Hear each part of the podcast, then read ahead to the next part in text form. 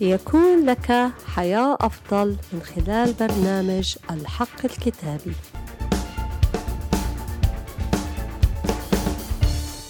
حقيقة اليوم الكتابية بعنوان ما بالكم خائفين هكذا.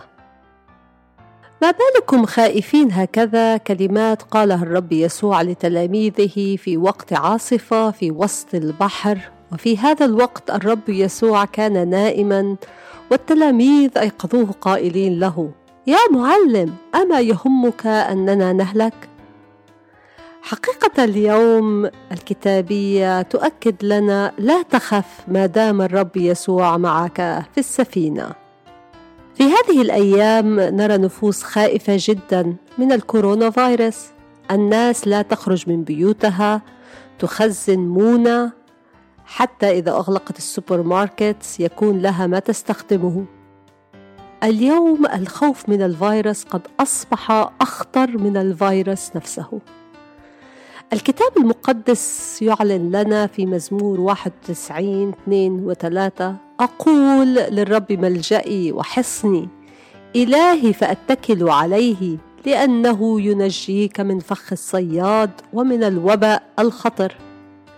يوجد حماية من عند الرب. خلينا نصلي هذه الكلمات. الساكن في ستر العلي في ظل القدير يبيت.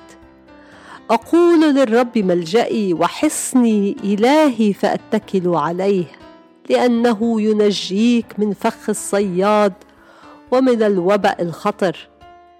بخوافيه يظللك وتحت أجنحته تحتمي. ترس ومجن حقه.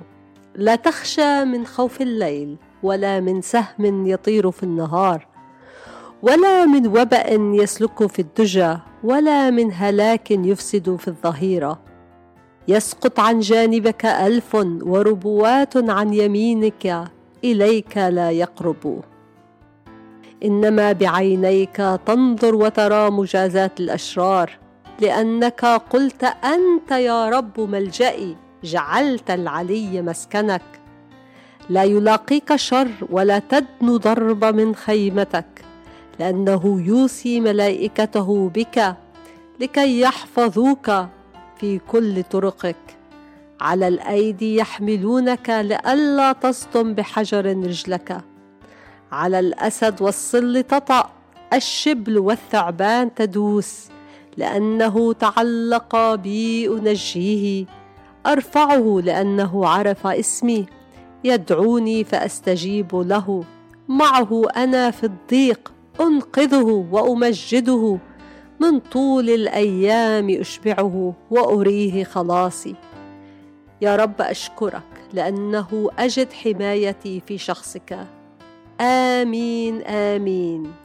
يبارككم الرب في حلقة جديدة من برنامج الحق الكتابي.